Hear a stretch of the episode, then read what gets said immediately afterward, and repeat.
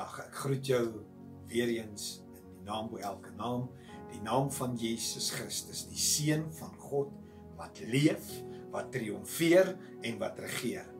En mag jy vandag lekker saam met my kuier uit die woord van die Here. Ek gesels met jou rondom die tema van hoe vergelyk jou hartklop met sy hart. Hebreërs 4 vers 12 tot 13 sê, want die woord van God is lewend en kragtig en skerper as enige tweesnydende swaard en dring deur tot die skeiding van siel en gees, liggaam en van gewrigte en murg en is 'n beoordelaar van die oorlegginge en die gedagtes van die hart. Daar is geen skepsel onsigbaar voor hom nie, maar alles is oop en bloot voor die oë van hom met wie ons te doen het. Jy sien vir die mens kan nie net wegsteek maar God sien alles. Wanneer ons praat van hartklop, waarvan praat ons? Twee dinge. Eerstens letterlike betekenis, die gewone slag of pulsering van die hart, naamlik tutu tutu tutu. Die dit wat een ek hoor of wanneer ons wat ons voel of ver ervaar en beleef wanneer ons ons hand op ons pols sit of op ons hart sit. Die geluid wat verklaar dat jy leef. As jy tans na hierdie uitsending kyk, dan beteken dit jou hart klop en dit beteken dat jy leef. Maar die lewe is meer as om net te leef. Of leef jy omdat leef leef is? I don't think so. Elkeen in die wêreld daar buite is gebore vir 'n spesifieke plan en vir 'n spesifieke doel en vir 'n spesifieke funksie. Ja, jy het reg gehoor. Daar is 'n plan en 'n doel en 'n funksie met jou lewe. Jy is vandag geroep en gekies vir meer. Of jy volgens dit leef of nie, dit sal jy weet. Redeneer ek reg om te sê een ek is gebore om 'n verskil te maak? Of dink jy jy is net gebore om te werk, om te eet, om te slaap of dink jy jy is geroep vir meer? Dink jy jy is geroep vir 'n verskil? Ek meen ons is almal bereid om in ons werksplekke verskil te maak reg of verkeerd. So kom ons sê ons stem saam dat ons is geroep om 'n verskil te maak. Wat ons by 'n vraag bring. Waar moet u en ek 'n verskil maak? In die wêreld? In die kerk? In die gemeenskap? By ons skool? Maar wat van by jou huis? Veral in 'n tyd soos hierdie, wat van by jou huis? Jy sien dit baat my veel. Ek is 'n engel, hierdie wonderlike mense in my werksplek. Ek is hierdie wonderlike mense in die gemeenskap. Ek is hierdie wonderlike jong mense in die skool, maar die oomblik wanneer ek my voete in die huis sit, verander ek in die duiwel van die kinderbybel. Hallo. Ons is gebore. Ons is geskep om 'n verskil te maak in elke faset van ons lewe. En so terloops, hierdie is my opinie. Die sukses van my wandel met hom begin in my huis. Kan ek dit weer sê? Die sukses van my wandel met hom begin in my eie huis. To be an example in the church, I first need to be example in the house. To love in the church, I first need to love at home. Om te dien in die kerk en die wêreld daar buite, moet ek heel eerstens leer en verstaan dat ek moet dien in my eie huis. En my vraag aan jou vandag is: maak jy 'n verskil waar jy beweeg veral in jou huis? Tweedens.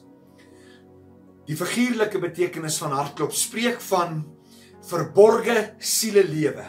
Die verborge innerlike lewe met ander woorde dit wat in iemand se binneste is dit wat hier binne beweeg dit wat hier binne aan die gang is naamlik my hartklop met verwysing na wat my hart se punt is met verwysing na my hartsbegeerte, met verwysing na my hartsverlange, met verwysing na dit wat hier binne roer. Ook dit wat jy nie altyd die vrymoedigheid het om met ander mense te deel nie. Jou innerlike stryd. Soos byvoorbeeld om goed te sorg vir jou familie. Om meer 'n werk te kry waar jy meer tyd het vir jou gesin. Om skuldvry te wees om God te dien in gees en in waarheid, om 'n voorbeeld te wees vir ander, to make my wife the happiest girl in the world, om radikaal te wees vir Jesus, om soos Jesus te wees. Nie dat hy sê more of kry jy vandag die prentjie. En dan spreek dit ook soms van daardie dinge wat ek nie altyd met almal wil deel nie, want wat gaan mense van my sê of wat gaan mense van my dink? Al daai dinge wat eintlik oop en bloot lê voor God se oë want hy weet alles. Psalm 44 vers 22 verklaar want hy ken die geheime van die hart. Handelinge 1:24 en hulle het gebid en gesê: "U Here wat die harte van almal ken." 1 Samuel 16 vers 7. Want die wat die mense sien, sien God nie. Want die mense sien wat voor oë is, maar die Here sien die hart aan. Hy weet wat vandag in jou hart is. Kan ek dit weer sê? Hy weet wat vandag in jou hart is. En jy moet vandag net weer eens hoor. Verlustig jou in die Here, dan sal hy jou gee die begeertes van jou hart. Psalm 37 vers 4. As jou verlustiging in my is, is ek die God wat dit vir jou sal aanspreek. En dit is wat hy vir jou en vir my hartklop wil kom doen. Maar wat van sy hartklop? En nou mag jy dalk vra, soos ek gevra het, maar wat is sy hartklop? Wat sal jou antwoord wees? Ek dink elkeen van ons het sy eie antwoord en sy eie opinie rondom wat God se hartklop is. Maar wat leer die woord? Hoe bepaal u en ek sy hartklop? Na wie sal ons moet kyk sodat ons 'n goeie prentjie of 'n goeie idee kan kry? Kom ek vra hierdie vraag: Wie was 'n persoon na God se hart? Dawid. So miskien moet ons na Dawid gaan kyk sodat ons kan verstaan wat sy hartklop is. Stem jy saam dat ons so meer van God se hartklop sal weet? So hoekom was Dawid 'n man na God se hart? Ek dink ons gaan hierdie antwoord kry deur eerstens die vraag te beantwoord hoekom Saul uit die prentjie uit verwyder is en Dawid in sy plek aangestel is. In Samuel 13 vers 13 kom ons lees. Toe sê Samuel vir Saul: Jy het dwaas gehandel. Jy het die gebod wat die Here jou God jou beveel het nie gehou nie, want anderste sou die Here jou koningskap oor Israel vergoed bevestig het. 1 Samuel 15 vers 11 en dit is God wat hier met met met Samuel praat en vir hom sê ek het berou gekry dat ek Saul koning gemaak het want hy het van my afvallig geword en my woorde nie uitgevoer nie. Maak hier dieselfde gevolgtrekking as ek dat Saul uit die prentjie uitgevat is as gevolg van ongehoorsaamheid? Kan dit wees dat Dawid 'n man na God se hart is as gevolg van gehoorsaamheid? Ek dink so En hoekom sê ek dit? Want selfs Adam en Eva was uit die tuin uitgegooi as gevolg van ongehoorsaamheid. En hier kom 'n gevaarlike vraagie vir jou wat vandag kyk en vir jou wat luister. Kan dit wees dat ons sit waar ons sit as gevolg van ongehoorsaamheid in ons lewe? Maar kan gehoorsaamheid alleen God se hartklop wees? Nee, ek glo nie. Maar dit is definitief deel van sy hartklop vir jou en vir my. Maar tog kan ek nie anderste as om te wonder wat is God se hart se punt nie. En miskien kan ons hierdie antwoord kry deur te vra wat dit is wat jou en my dryf tot gehoorsaamheid aan 'n saak. Kom ons vra dit weer. Wat is dit wat jou en my dryf tot gehoorsaamheid aan 'n saak? Die liefde van 'n saak, korrek? Of die liefde vir 'n saak? Stem jy saam? Hoekom dien ek die Here? Hoekom is ek hom gehoorsaam? Omdat ek hom liefhet. Kom ons kyk wat sê die woord van die Here in 1 Konings 9 vers 4 en 5. Dit verklaar die volgende. En wat jou betref, as jy wandel voor my aangesig soos jou vader Dawid gewandel het, met 'n volkomme hart en in opregtheid deur te doen net soos wat ek jou beveel het, spreek van gehoorsaamheid en my insetting en verordeninge onderhou, dan sal ek die troon van jou koningskap oor Israel vir ewig bevestig, soos ek jou vader Dawid beloof het deur te sê, daar sal vir jou nooit 'n man ontbreek op die troon van Israel nie. 1 Konings 14 vers 7 en 8 wat praat van die ondergang van Jerobeam. Gaan sê vir Jerobeam, so spreek die Here die God van Israel, omdat ek jou onder die volk uitverhef het en jou as 'n vors oor my volk Israel aangestel het en die koningskap van die huis van Dawid afgeskeur en dit aan jou gegee het, maar jy nie soos my knegt Dawid was wat my gebooie gehou het en met sy hele hart nagevolg het om net te doen wat reg is in my oë. Wat my gebooie gehou het en met my en met sy hele hart nagevolg het. En wanneer ons hoor van gebooie en van die feit wat dit nagevolg is waaraan dink jy en ek gewoonlik wanneer ons die woord gebod hoor? 10 gebooie stem jy saam? En die woord van God sê hy het God se gebooie met sy hele hart gevolg. Gehoorsaam was hy daaraan.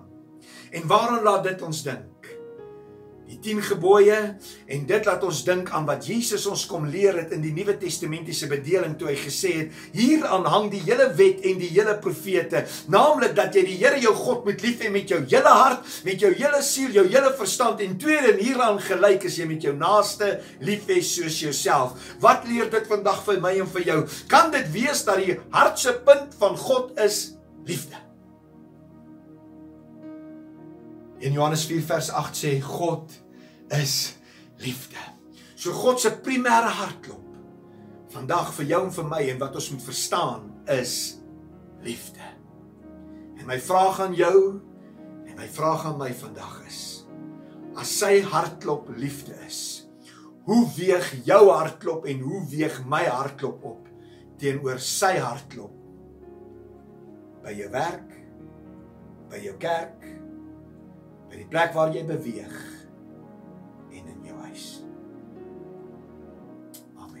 Namens my en my vrou wil ons vir baie baie dankie sê dat u na hierdie uitsending gekyk het en ek glo en vertrou dat jy was gestig en bemoedig deur God se woord. As u van hierdie boodskappe gehou het en u meer van dit wil lees, wil u vir ons asseblief op die subscribe knoppie onderdruk en dan sal u 'n notifikasie kry sodra ons 'n nuwe boodskap van pastoor Jaco opsit. Sê dat ons is beskikbaar op podcast platform. U kan ook net Jaco van Asweg en daar gaan search en so ook van hierdie boodskappe dan kry. As jy met pastoor Jaco in verbinding wil tree, is jy meer as welkom om te kontak. Ons e-mailadres is tans hier onder beskikbaar en u kan met hom in verbinding tree op so 'n manier en hy sal so gou as moontlik terugkom na u toe. Baie keer tydens pastoor Jaco se boodskappe is daar 'n geleentheid waar hy altyd sal vra as jou hart en jou lewe reg. Ons gaan nou as jy oortuig voel deur die Heilige Gees om jou saak reg te maak met die Here, so geleentheid vir u aanbied. Baie dankie. Die woord van God sê almal het gesondig en dit ontbreek aan die heerlikheid van God. 1 Johannes 1 vers 7 tot 9 sê as jy jou sondes bely is God getrou regverdig om jou van alle ongeregtigheid te vergewe. En dan verklaar die woord van die Here in Johannes 1 vers 12 aan almal wat hom aangeneem het aan hulle het hy mag gegee om kinders van God te word. So kom ons sluit die oë en ek vra dat u saam met my sal bid. Vader, ek kom na u toe in die naam van Jesus Christus.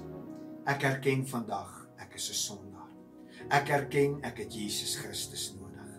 Here Jesus, ek vra dat U my sal kom skoon was met U kosbare bloed. Dat U my sal kom reinig sodat ek voor U kan staan sonder vlek of rimpel.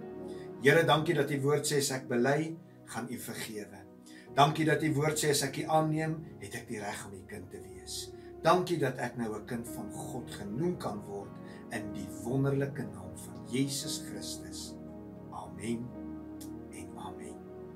Mag dit bewe waar jy lewe. Weet dit, God het jou lief en jy is super special vir die Here.